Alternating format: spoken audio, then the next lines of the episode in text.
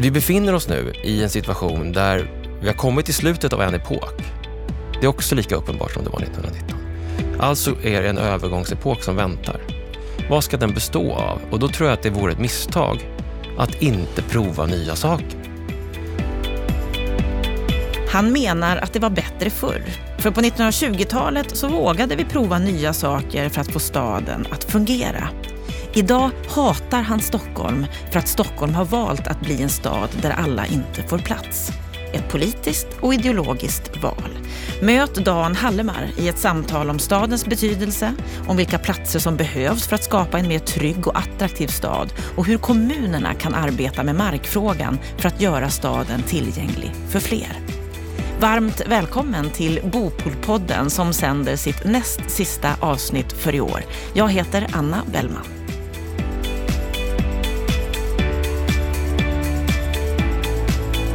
I Bopolpodden så börjar vi varje avsnitt med att titta på veckan som har gått inom det bostadspolitiska området. Vår expertkommentator Stefan Attefall du är med oss och ska kommentera veckans Aktuellt. Och då tänker jag att vi börjar längst bak. För att för en vecka sedan så kom en dom i Uppsala om att sänka Uppsala hems hyror i nybyggda kvarteret Åpromenaden. Och det här, Stefan, har ju skapat en del oro.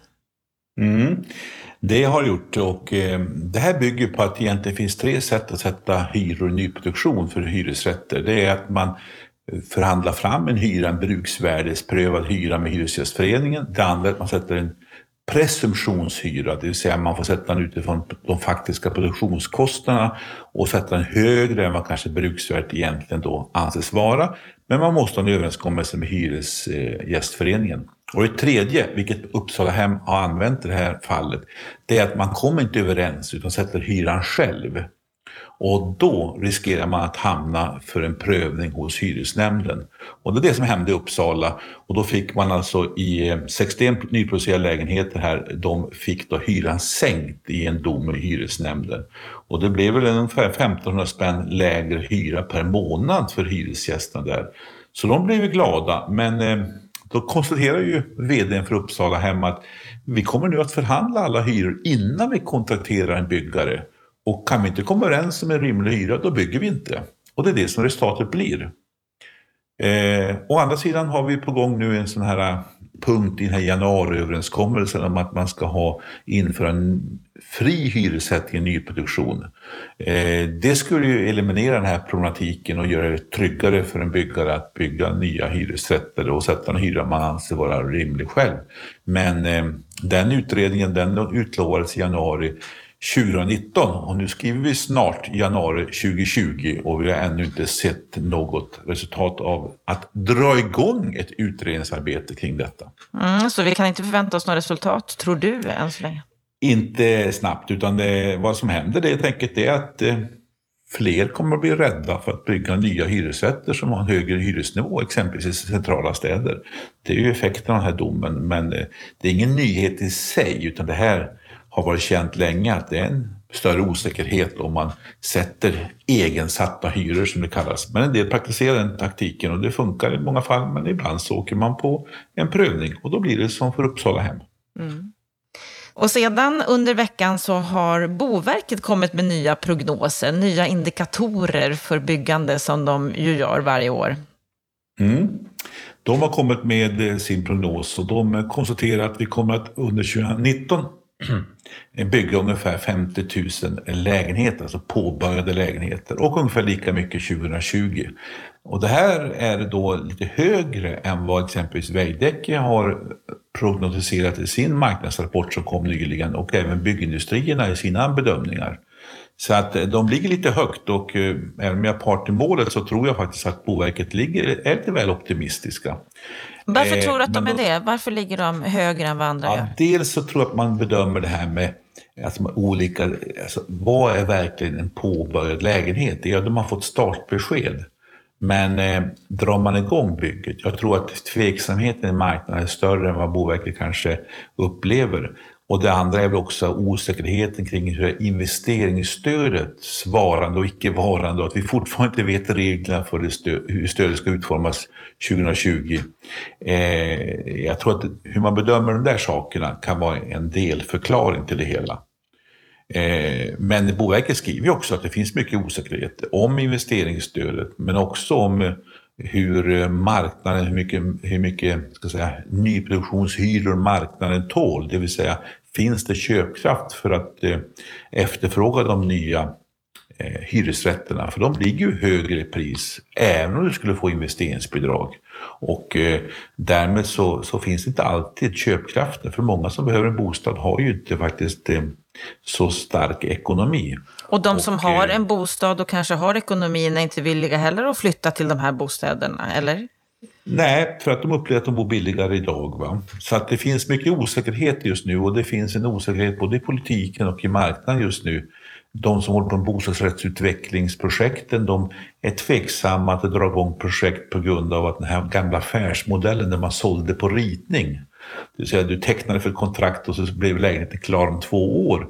Och, och då räknar de att då steg priserna på din befintliga bostad så du kunde sälja den och köpa den nya bostaden. Det där gäller ju inte längre. Osäkerheten är mycket större så att det, eh, det finns mycket mer tveksamhet mm. i marknaden och eh, det gör att alla indikatorer just nu är ganska svåra att, eh, att förutsäga. En eh, sista sak som vi ska ta upp här i veckans Aktuellt, det är moderna byggregler. Något som presenterades igår från Kommittén för modernare byggregler, Kurt Eliasson och Anna Sander. Vad säger du om det här, Stefan? Det här tycker jag är en spännande utredning. Eh, nu har vi inte sett de exakta förslagen, jag har inte hunnit ta del av dem ännu, men jag läste deras eh, debattartikel på Dagens Nyheter igår. Och eh, de pekar ju på flera bra saker. Att vi exempelvis måste ha mera flexibla funktionskrav, alltså tydligare med. Det fanns i de gamla BBR också, att man, man ska uppnå en viss funktion. Sovutrymme, arbetsbord, matplats. Men i praktiken så har man med hjälp av standardiserings Eh, standardiseringar och i form av eh, normerande regler och andra saker som har kommit så har det blivit ganska likriktat att det ska se ut på ett visst sätt. Och nu försöker de rensa upp det här och mer betona att det är funktionen som är det viktiga, inte hur den här funktionen uppnås. Och det kommer att underlätta en hel del tror jag, inte minst när man ska försöka hitta smartare planlösningar och så. De pekar på vikten av att förenkla regelverk när man bygger om. Alltså bygga om ett hus, kanske en del av ett hus, så måste jag kanske eh, ha nyproduktionskrav på exempelvis tillgänglighet och andra saker i hela huset. Eh, här vill man markera tydligt att det är de delar man bygger om som man ska ha krav på, inte på resten av huset. Eh, det tror jag också är en viktig sak, kanske inte så mycket i volym, men det är viktigt i de fall där det inträffar. Ehm, de pekar exempelvis också på det här med vikten av att man, man ska ha de regler som gäller, ska också gälla ute i kommunerna. Och man eh, föreslår bland annat en ny myndighet, Byggkravsnämnden. Som alltså när du, kom, låt oss säga att du ser ett tillverkat hus och du har en viss funktion, en viss lösning. Då kan du få den prövad, den här byggkravsnämnden. Och då gäller den lösningen i alla kommuner. Då måste kommunerna bygglovshanteringen följa de här rekommendationerna eller det här beslutet av byggkravsnämnden. Jag tror att det där är de på spåret på någonting viktigt. Att kunna underlätta standardisering, industrialisering av olika delar och att inte få så mycket godtycke ute i kommunerna som du faktiskt har idag.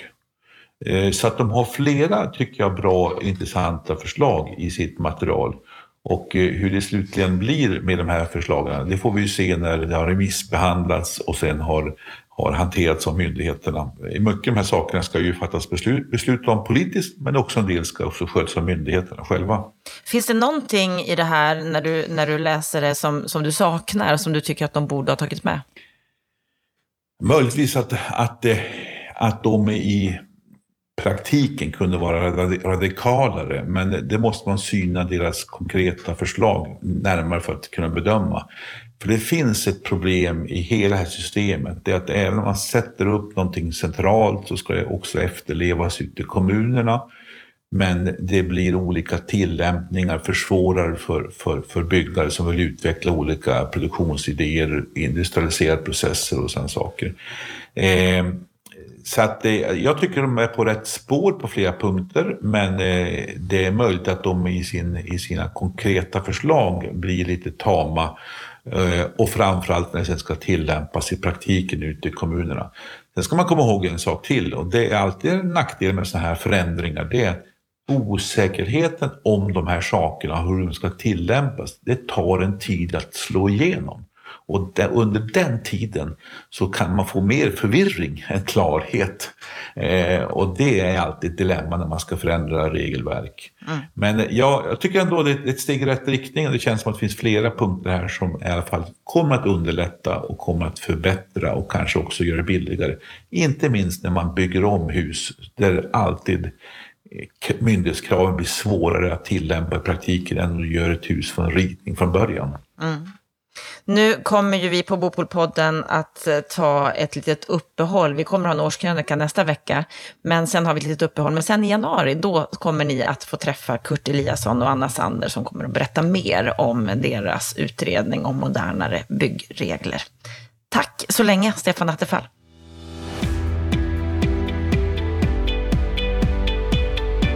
Bra stadsplanering kan innebära skillnaden mellan liv och död. Det menar dagens gäst som har ett starkt engagemang för staden. Han är redaktör och förläggare på Arkitekturförlag, medarbetare på Expressen Kultur. Han driver podden Staden där de just pratar om arkitektur, stadens utveckling och hela arbetet med att skrapa lite på fasaden. Och han berättar gärna vad han tycker, som att han hatar Stockholm. Varmt välkommen till Bopolpodden, Dan Hallemar. Tack så mycket. Vad är din sinnesstämning idag?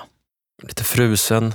Eh, sådär lite skört utsatt av vädret. Jag har inte liksom övergått riktigt från att förstå att när jag cyklar genom stan idag att jag borde haft lite tjockare vantar, lite vindtätare jacka. Så att, ja, lite så. Eh, ytan är lite kall. Ytan är lite kall, eh, men vi spelar in det här på en fredag. Så att eh, det är ju ändå Själen är glad. En känsla av att man har gjort ett liksom, veckas värv. värv. Ja. Mm. Skönt med helg. Mm. Du, du har ett starkt engagemang för staden, har skrivit många artiklar om det bland annat och som sagt drivit podd i sex år nu. Var mm. kommer ditt engagemang ifrån? Ja, alltså om man ska backa riktigt långt så började det nog med att jag som yngre älskade att titta på kartor och liksom följa gator och landskap med fingrarna på något vis och försöka förstå hur saker satt ihop. Eh, sen när jag själv började liksom upptäcka eh, världen med egna ögon så tror jag att jag fick en ganska stark spark in i liksom en romantisk idé om staden på 1980-talet. Det var ju en tid när världen, åtminstone den litterära och kulturella världen återupptäckte flanören denna eh, liksom, sekelskifteskaraktär som hade legat nergrävd under hela modernismen och som nu liksom återuppstod i romantisk form och eh, böcker och eh, filmer. Och började liksom prata om staden som någon sorts själstillstånd igen. Och också även stadsbyggandet började försöka bygga så här, stenstäder. Så att då lotsades jag liksom in i en idé om att staden kunde berätta någonting om oss som människor. Och så har det bara fortsatt. Sen har jag liksom Sen har det liksom blivit en, en någon sorts källa till kunskap och förståelse för hur världen funkar. Att man går in genom liksom en, någonting väldigt konkret och byggt och så får man syn på massa idéer som, som finns bakom det här byggda och på så sätt förstå världen. Så att på så sätt, jag har gått från att se på kartan för att se staden och sen så se staden för att förstå kartan bakom på något vis. Och så utbildar du dig till landskapsarkitekt men har aldrig jobbat som det? Nej, jag var aldrig, jag, jag var aldrig något bra på att rita och, och göra sådana där saker som man gör som arkitekt. Så jag började nästan allt direkt, även under utbildning, att skriva om städer och arkitektur istället. Det var liksom en idé egentligen från början. Mm. Och det har du gjort i många år och de senaste sex åren har du drivit podden Staden som har vunnit pris. Ja. Årets digitala tidskrift för fackpress. Just det. Grattis! Tack! Vad är det som gör er podd så bra? Jag tror att vi i de bästa fallen eh, lyckas eh, ja, men förklara världen, eller vad säger, berätta om världen genom något väldigt konkret just, som städer är. Någonting som alla kan förhålla sig till och relatera till. Alla har bott i en lägenhet, alla har gått på en gata. Det finns något väldigt igenkännbart i det och eh, att vi lyckas använda den eh, verkligheten som många kan relatera till för att ja, berätta om idéer, kultur, historia, eh, arkitektur, massa saker som... Alltså, som och det, det har vi ju då kanske lyckats göra på ett sätt som också människor som inte är experter på det kan ta till sig och förstå. Inte sällan så märker vi nu att våra poddar, som ju, varje poddavsnitt handlar om en stad, om det inte är ett tema, vilket också kan vara staden och döden eller staden och ensamheten som vi också haft, men att de används också när folk reser till Amsterdam eller Prag. Eller... Som en förberedelse? Ja, för, för, för att liksom se lite ja, vad som finns där bakom de där fasaderna. Vilken är din favoritstad? Oj, eh, vilken är min favoritstad? Alltså, jag tycker det är en svår fråga för att man kan tänka så här, jag har tänkt på det, eller vi har fått frågan, om, många säger så här, men alla svenska städer är väl likadana? De ser typ likadana ut. Man kommer dit, det är ett Domus varuhus i mitten och så är det någon rondell i utkanten. Liksom. Men jag har alltid tyckt att det, varje stad är verkligen sin egen universum. Och ingen stad har eh, liksom samma historia, samma berättelse. Så jag blir lika liksom, lycklig varje gång jag kliver av en, på en tågperrong och får gå ut i en stad som jag inte riktigt känner och försöka lära känna den. Så att jag tycker, men ska jag välja en stad så i eh, Sverige så skulle jag kanske, som känslan är just nu, så skulle jag kanske säga... Ja, du får tänka efter. Ja, men det, vet du, det är som, de är som vänner de där, så att man kan liksom inte riktigt ja, välja den för städer. Ja. Jag märker det är svårt. Vi ja, kanske inte ska pressa okay, ur nej, dig men det. Jag säger så här, okej, okay, Norrköping, ja men, vad är, men varför är det för fel på Växjö nu då? Eller, så säger ja, du vill här, inte göra någon stad besviken nej, genom alltså, att välja någon. men de... en, om jag får gå vidare då. Mm. Du har själv ställt dig frågan i en av artiklarna som du har skrivit. Vad är det egentligen som gör en stad? Vad är det som skiljer den stora staden från den lilla och varför lämnar man den lilla staden för den stora. Du har mm. själv lämnat Linköping mm. för Stockholm som 29-åring. Mm. Jag har lämnat lilla Örnsköldsvik, ja. inte för Stockholm i första hand, men det blev det så småningom. Ja. Vad är det som gör att man lämnar och går till något större? Ja, alltså, jag tror att idén om staden är ju en idé om olikhet. Alltså själva kärnan i en stad, eller i städer som plats, är ju att den ska härbärgera olikheter. Många olika sorters människor. Det finns en väldigt fin scen i början på ehm, eh, um, uh, Berliner Alexanderplatz. Uh, det är framförallt tv-serien jag tänker på, men den livstidsdömde fången Franz Bieberkopf har liksom kommit ut ur fängelset och kommer till Berlin och så säger han och sån här, men Berlin har alltid plats för en till. Och det är någonting med det att städer har inga gränser. Länder har ju gränser, men städer är så att säga öppna för alla. Man kan alltid kliva in i en stad. Och jag tror att det är den där olikheten som, eh, som är så lockande. Eh, men är det därför vi lämnar det lilla samhället ja, till kanske, det stora? Kanske kan vara det. Att det är alltså att, eh, jag kunde uppleva Linköping när man liksom är så här, liksom yngre som en plats där ja, men man tyckte att folk var ungefär likadana allihop. Så man längtade efter en plats där, där man fick plats med den här olikheten. Och då blir det ju gärna en större stad. Jag bodde ju innan jag kom till Stockholm i Malmö och där är det ju ännu tydligare för där ligger ju olikheterna så att säga mer vägg i vägg. Um, så att jag tror att det kan vara det. Att man, och det kan man ju se historiskt också om man tar, ja men liksom när, när folk börjar förstå att det finns andra platser. Ehm, på 1800-talet med liksom nya kommunikationer, tåg, telegraf, ehm, fotografi och film, alltså att man kan, kommer kunna få bilder mycket enklare av andra delar av världen, så börjar man ju, då börjar man ju plötsligt bryta upp och lämna det där som man liksom dömd till sitt lilla liv i det lilla samhället och ärva sina föräldrars jobb och sånt där. Att, då blir ju staden naturligtvis väldigt mycket en frihetssymbol. Du har stuckit ut hakan i en artikel och sagt jag hatar Stockholm för mina barns skull. Mm. Det är ganska starka ord. Gör du det? Hatar du Stockholm?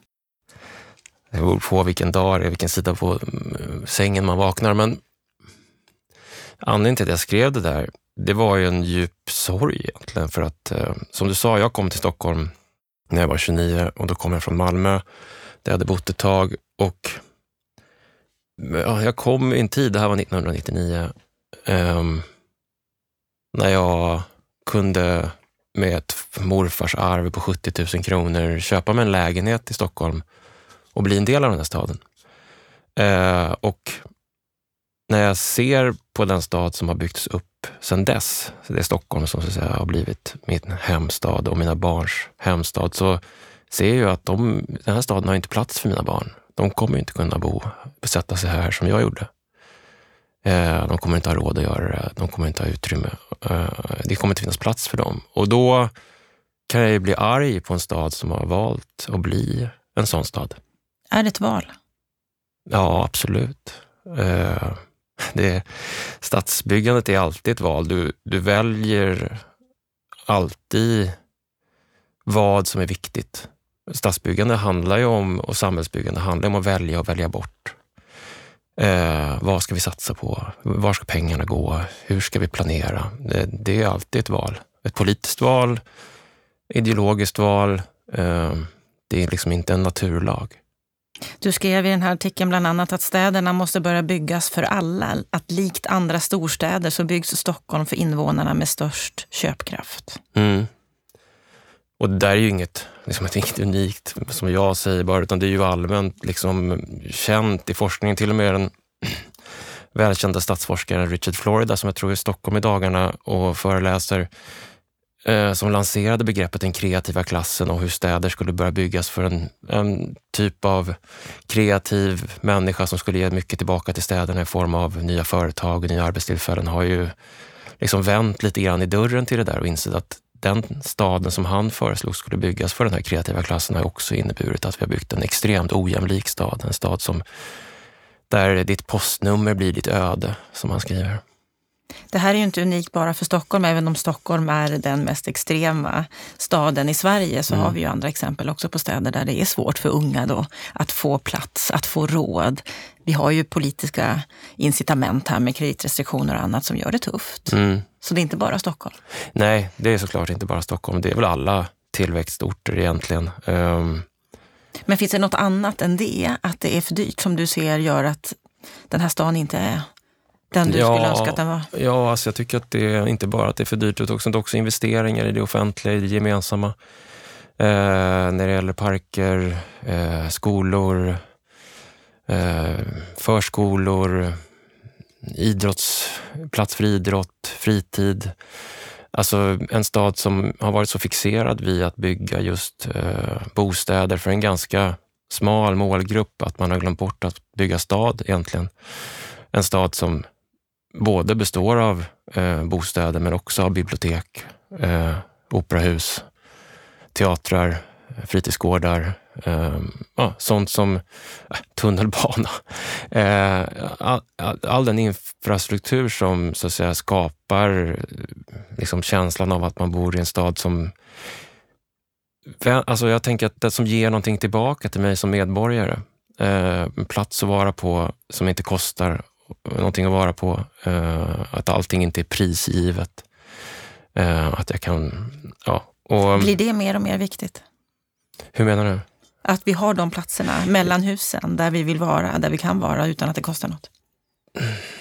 Jag tror det alltid har varit viktigt. Uh, det som jag sa, alltså staden är en plats där olikheter, liksom idén om staden är en plats där olikheter får komma samman och det är det som definierar livaktiga städer, att det är möjligt. Och städer som inte skapar platser där det kan ske är, är städer som ja, prisger sig till en sorts ointressant livsstilskuliss bara. Du har eh, också skrivit nyligen att bra stadsplanering kan innebära skillnaden mellan liv och död. Mm. Och här eh, ger du ett exempel ifrån en kylig kväll på fotbollsplanen. Mm. När vi tittar på säkerhet, trygghet, så är det något som vi pratar väldigt mycket om i de här dagarna. Mm. Det händer saker. Malmö, Göteborg, Stockholm. Framförallt mm. Malmö har vi ju många exempel från, men även härifrån Stockholm. Att i de stora städerna kanske framför allt blir mer och mer otryggt. Mm. Hur ser du att bra stadsplanering kan innebära skillnad mellan liv och död? det handlar om resurser. Och där, när jag menar resurser så menar jag inte bara ekonomiska resurser utan eh, offentliga resurser, alltså i form av platser att, att, eh, att, eh, att vara på. Eh, det som jag beskriver där det är en sociolog som heter Erik Klinenberg som har skrivit en bok som heter The Social Infrastructure. Eller som handlar om social infrastruktur kallar han det för. Eller, den heter, boken heter egentligen People's Palaces och den handlar om att bygga en, en jämlik stad. Men exemplet han använder är den sociala infrastrukturen och det är någon sorts social motsvarighet till järnvägar och broar och annan infrastruktur, el och vatten som vi är vana vid. Där det handlar om att skapa eh, platser i staden där, där människor just kan mötas och eh, uppehålla sig utan att eh, där deras olikheter själva mm, egentligen när det är så här platser som folk kan uppehålla sig vid där det inte ställs några krav på dem egentligen, annat än att, att man är liksom medborgare. Och Det är platser som då mm, ja, men blir, som jag nämner idrottsplatsen som en sån där plats. Det är en plats som jag har haft ett väldigt starkt förhållande till för att jag har Kärrtorps IP söder om Stockholm där flera olika stadsdelar möts.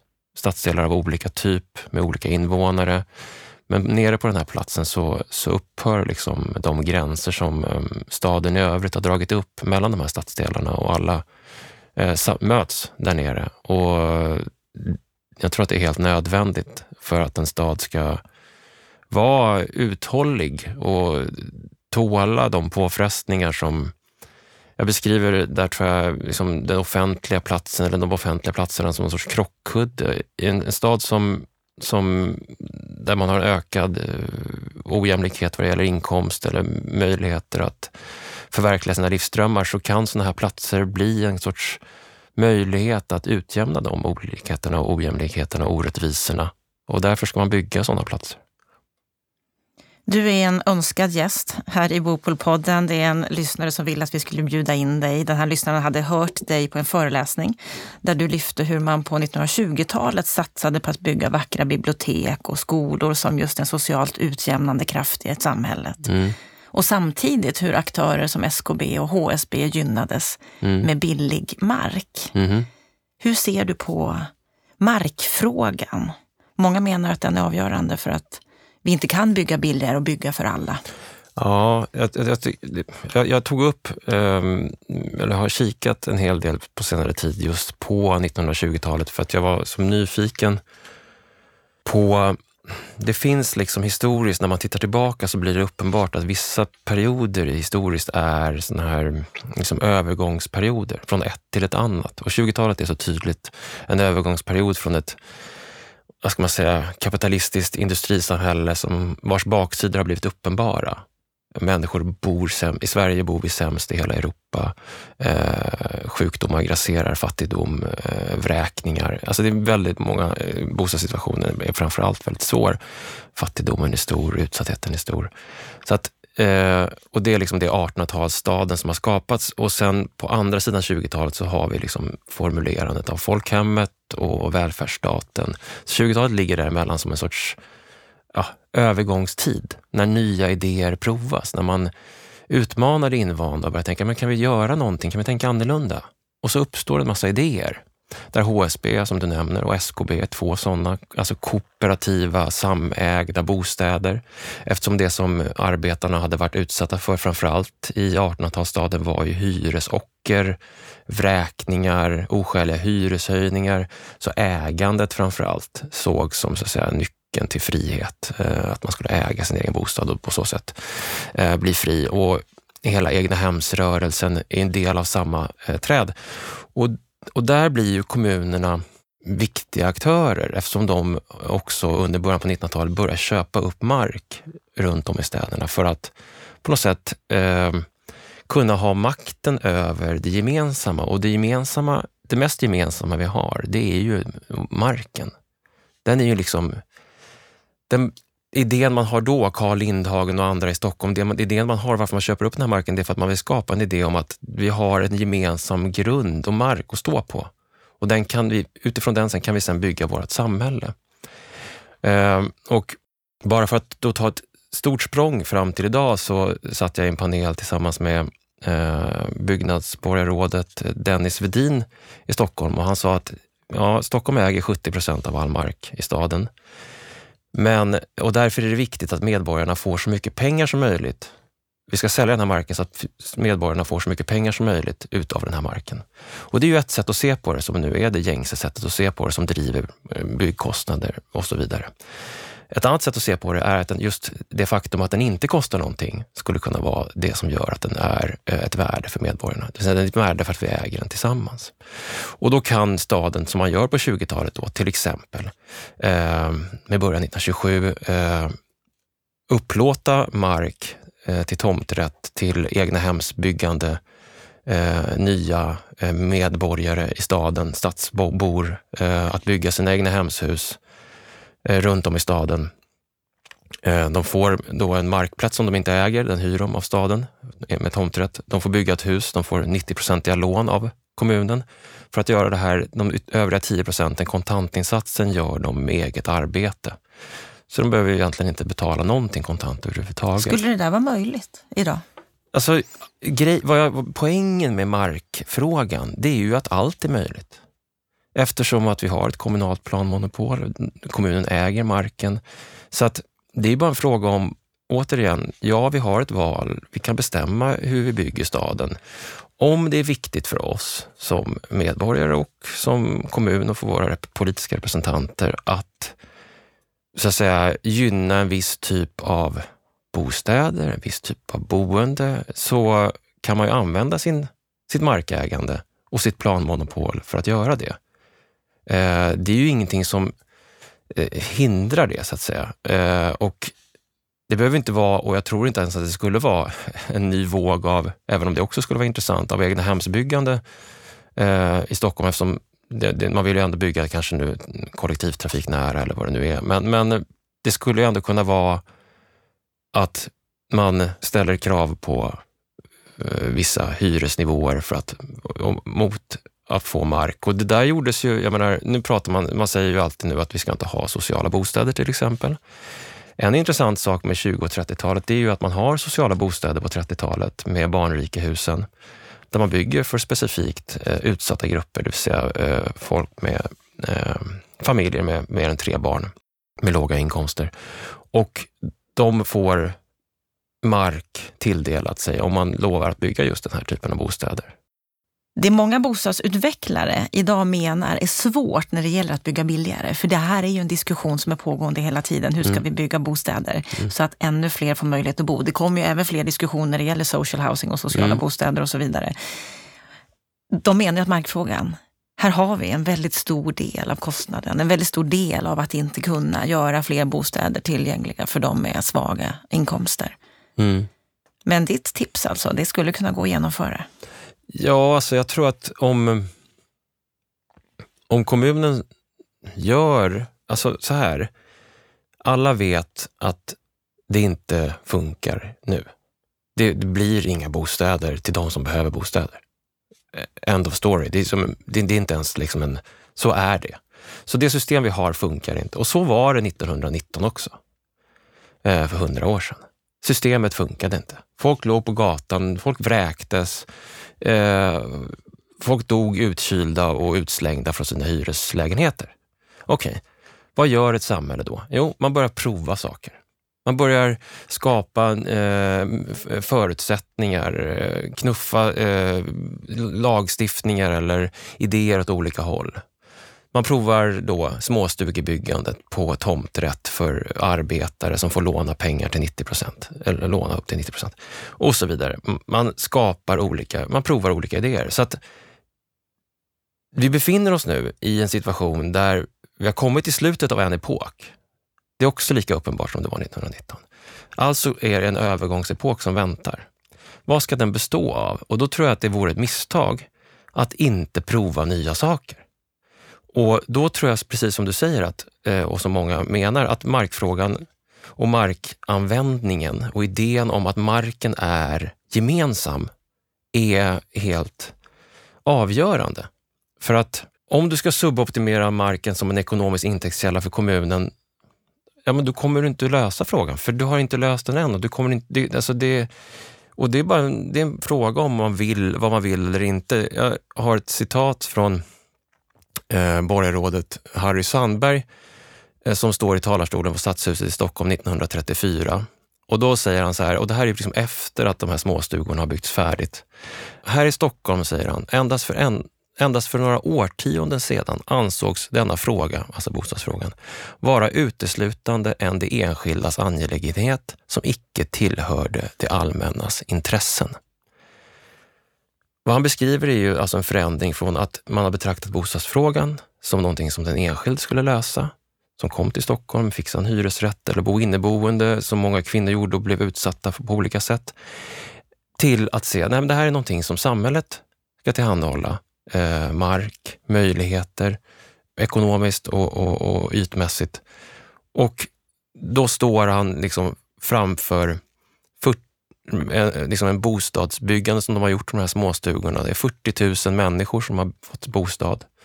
Eh, värdet på de här eh, husen är nu 135 miljoner då 1934. Så det är inte bara så att han har skapat någon sorts välgörenhet, utan det är ju också ett värde. Och det kommer fortsätta öka. Vad värdet är på de här stugorna idag kan vi bara fantisera om. Det är ju hur mycket som helst.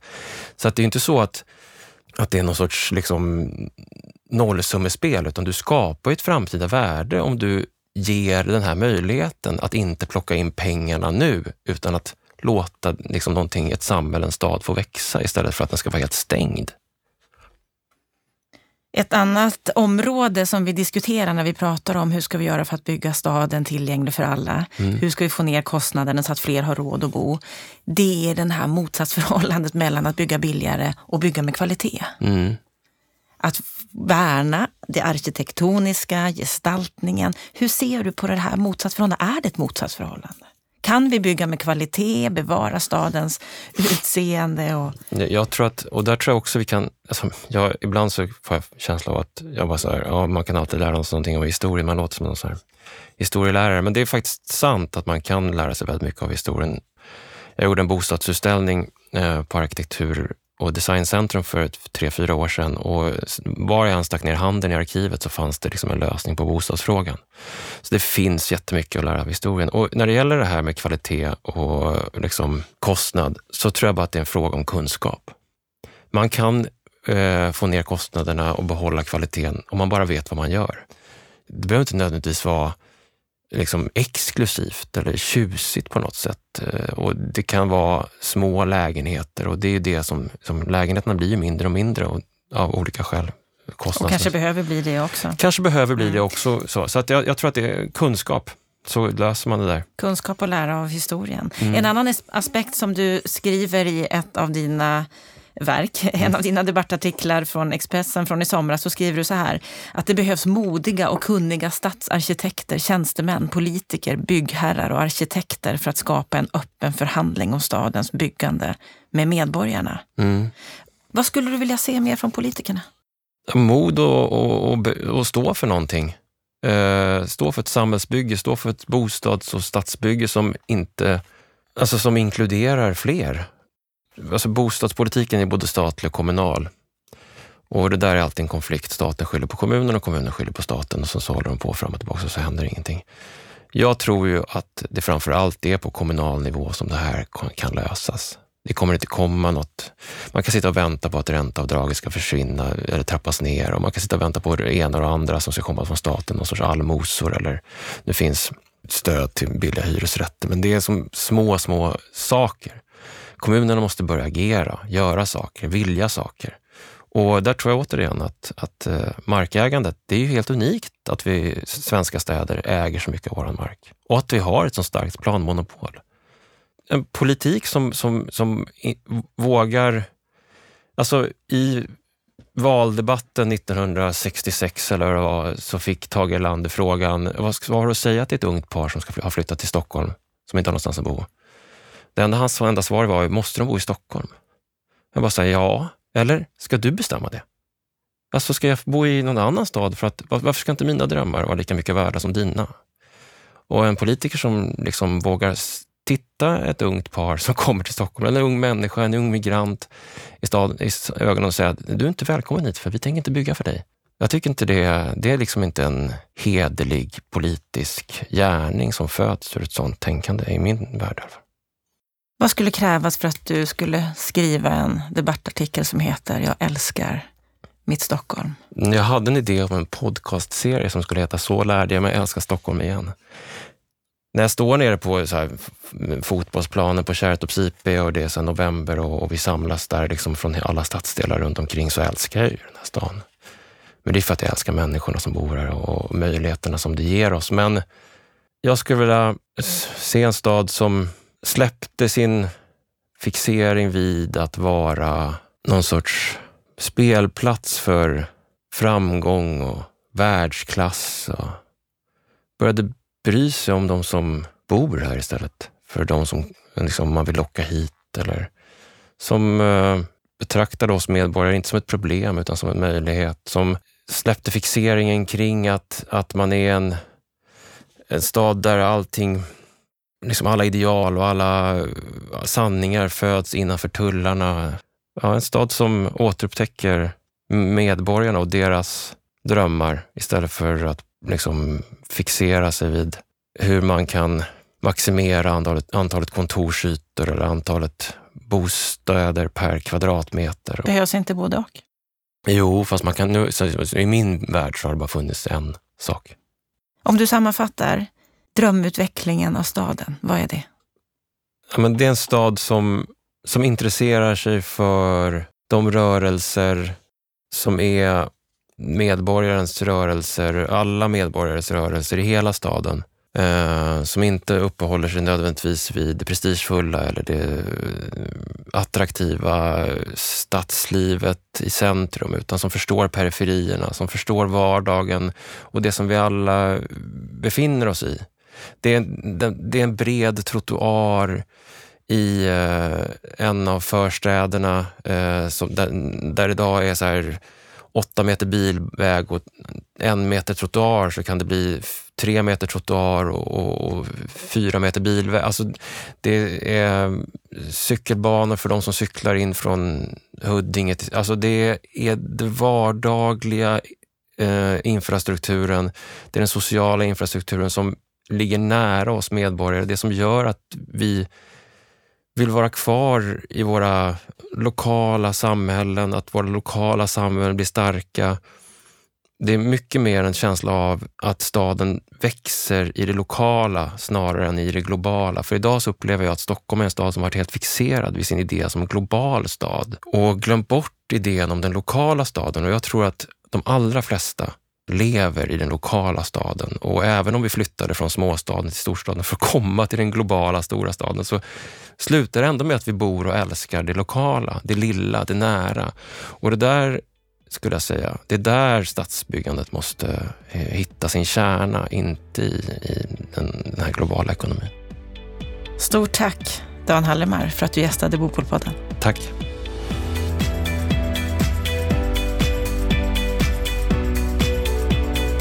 Ja, då har vi hört samtalet med Dan Hallemar. Vad säger du om det här samtalet, Stefan Attefall?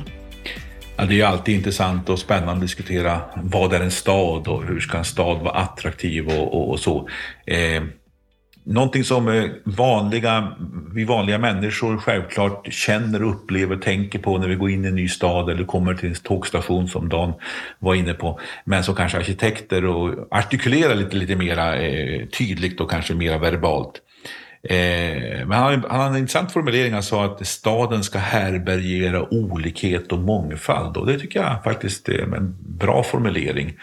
För det är tjusningen med staden, att det händer mycket. Det är olika saker som händer och det är eh, ett utbud som passar många människor. Mm. Vad säger du om hans ganska så kraftiga uttryck att han hatar Stockholm för sina barns skull? Att Stockholm har valt att inte tillåta alla att bo i den stan? Alltså jag gillar ju Stockholm som stad. Jag tycker, och det som är tjusningen med Stockholm är ju mycket det som byggdes faktiskt förr. Men det var ju faktiskt en ganska framsynt stadsplanering och eh, byggnationer och sådana saker.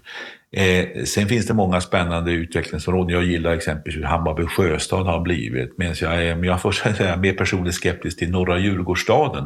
Som jag tycker Eh, både dyrt, finns alltså inga lägenheter för människor med normala inkomster, plus att det blir ganska likriktat ändå, eh, fastän det är ett nytt område. Eh, man bygger ungefär samma fasader och samma karaktär på husen.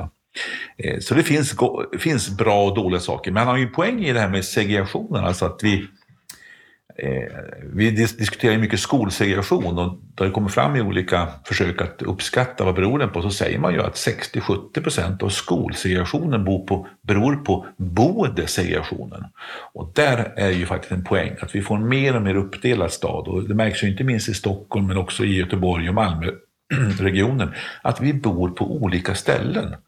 Eh, människor med olika inkomster, olika eh, bakgrunder och sådana saker. Och det tycker jag är den stora utmaningen, stora problemet. Då är det just... vi som bor i Jönköping exempelvis, vi har lite mer av, av integrerad stad, även om vi har också de här tendenserna i, i, i vår stad. Mm. Just... Jag tycker att han har, han har poängen, vill jag säga, det här med att hur skapar man då en, en stad som är öppen för alla? Och där ska man inte underskatta de offentliga ytorna. Alltså allt ifrån parker till eh, torg till eh, mötesplatser av olika karaktär, offentliga byggnader. Och där tror jag att stadsplanerare ska vara lite mer observanta på hur skapar vi sånt när vi utvecklar en stad och skapar nya stadsdelar. Hur skapar de här offentliga ytorna, offentliga mötesplatserna där det inte kostar på och där det också är tryggt att vara. Och jag såg ju en arkitektfirma, Utopia, hade pekat på idén att bygga ett inglasat ska säga, trädgård eh, på Sankt Eriksplan en gång, Här, idé. Alltså att eh, vid vårt klimat med regn och snö och allt sånt där, hur kan vi skapa mötesplatser året runt, inte bara på sommaren?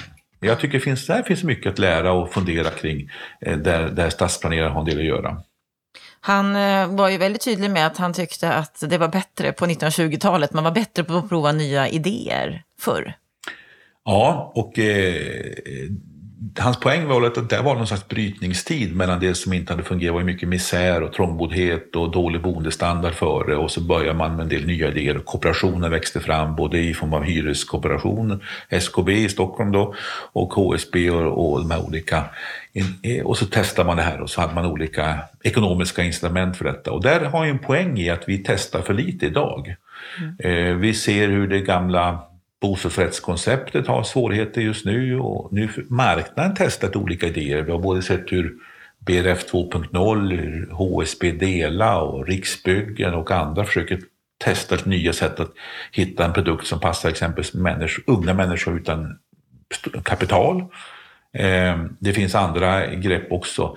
Men eh, politiken gör ju ingenting för att testa nya idéer. Tvärtom, det är oerhört konservativt och stelt just nu. Så där tycker jag att han har en poäng. Nej, men jag tycker också det här med att hur man mer medvetet ska blanda också upplåtelseformer. Jag tycker att i områden med mycket av hyresrätter, där måste man spränga in mer av eget ägande.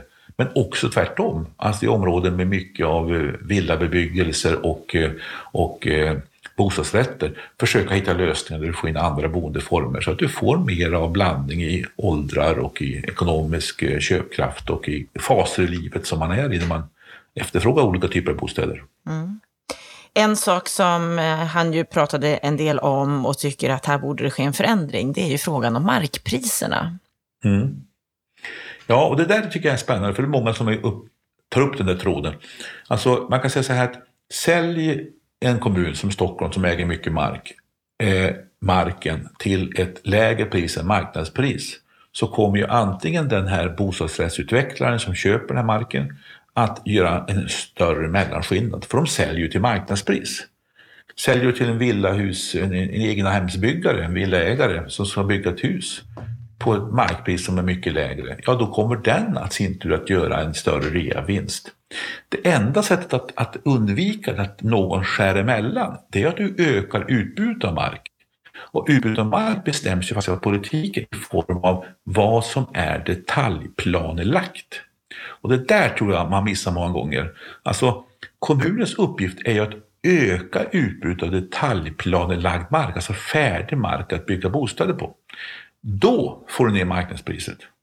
Men du får ju aldrig ner marknadspriset om utbudet av detaljplanelagd mark är eh, för, för litet jämfört med efterfrågan. Därför då kommer ju eh, alltid någon att skära emellan. Och då kan man fråga sig varför ska skattebetalarna vara förlorare på detta? Eh, så att det här måste man få in i skallen hos kommunpolitiker. Man styr det här med politiska beslut, det vill säga hur ser planprocessen ut i kommunerna? Eh, och har du då en stark ökad efterfrågan på mark, och det var det som hände på Ta exempelvis på, på, på förr i tiden när man byggde mycket bostäder. Det var att man gick utanför staden och byggde mark på orörd mark. Det var skogsmark och åkermark. Och så byggde man nya eh, förstäder till storstäderna. Eh, där var marken billig och det var enkelt att bygga där. Och då tycker vi det var fel. Och så nu ska vi förtäta, men förtätningen innebär ju också att det blir ganska dyrt att göra ordning marken. Ta Hagastaden i Stockholm exempelvis. Att bygga över E4 där kostar enorma pengar. Va? Då blir det dyra priser. Och dyr mark måste det bli. Så då ligger ansvaret hos kommunerna? Mycket av den här frågan ligger på kommunerna. Men sen håller jag med om att man ska ändå försöka vara mer innovativ när det gäller markpolitiken än man kanske är många gånger. Men kommunerna har ett större ansvar än vad de själva ibland inser. Och vad är deras och, vinst av att förändra det här? Ja, tyvärr så finns det ekonomiska instrument för dem många gånger att inte öka utbud av mark. Därför att då stiger värdet på den ägda marken och då kan de alltså finansiera mycket av sin exploateringspolitik via höga markpriser. Så med andra Så ord... Tyvärr mm. är inte alltid instrumenten på kommunernas sida. Tvärtom, de står för alla kostnader men står inte för, har bara marken som intäkt. Och då kommer det inte ske någon förändring när det gäller Nej, jag tror att hitta nya instrumentstrukturer för kommunerna, det tror jag är en politisk innovativa fråga man måste fundera mycket på. Mm. Om man är villig att fundera på det, ja, det får vi se framåt. Stort tack för den här veckan, Stefan Attefall. Och det var allt vi hade från Bopolpodden den här veckan. Nästa vecka, i mellandagarna, då sänder vi årets sista program och då blir det en tillbakablick för året som har gått och så tittar vi framåt på 2020. Så fram tills dess önskar jag dig en fantastiskt god jul, så hörs vi om en vecka.